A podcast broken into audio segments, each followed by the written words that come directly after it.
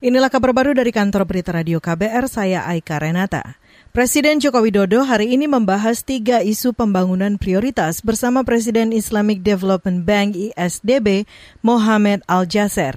Hal itu disampaikan Menteri Keuangan Sri Mulyani yang turut mendampingi Presiden saat menerima kunjungan Presiden Islamic Development Bank di Istana Negara Jakarta. Banyak prioritas pembangunan yang sekarang sedang disusun dari sisi kerangka kerjasama antara Islamic Development Bank dengan Indonesia melalui country partnership yang akan mencakup program-program prioritas pembangunan Indonesia terutama di bidang pertama masalah pendidikan, juga di bidang kesehatan, juga di bidang infrastruktur termasuk dalam hal ini untuk renewable energy atau sustainable finance. Menteri Keuangan Sri Mulyani menambahkan pertemuan Presiden Jokowi dan Mohamed Al-Jaser juga membahas isu perubahan iklim. Sebab menurut Islamic Development Bank, isu perubahan iklim sebagai prioritas yang harus dibahas. Selain itu, isu teknologi digital yang juga bagian dari presidensi G20 di Indonesia turut menjadi bahasan dalam pertemuan tersebut.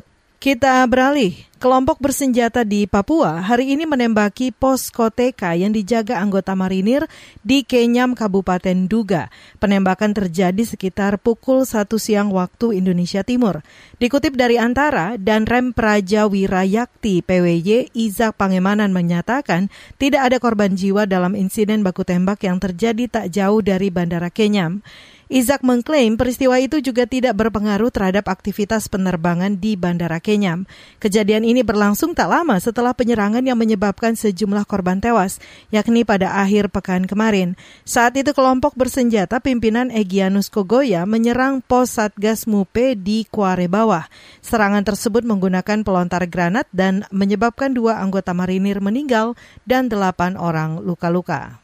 Kita ke mancanegara. Taliban melarang perempuan naik pesawat domestik ataupun internasional tanpa mahram atau pendamping laki-laki. Dikutip dari Reuters, rencana larangan itu akan disampaikan Taliban ke sejumlah maskapai yang ada di Afghanistan. Setelah pembatasan baru yang disampaikan ke maskapai pada Sabtu pekan lalu, beberapa perempuan yang sudah mengantongi tiket harus kembali karena mereka ditolak di Bandara Kabul.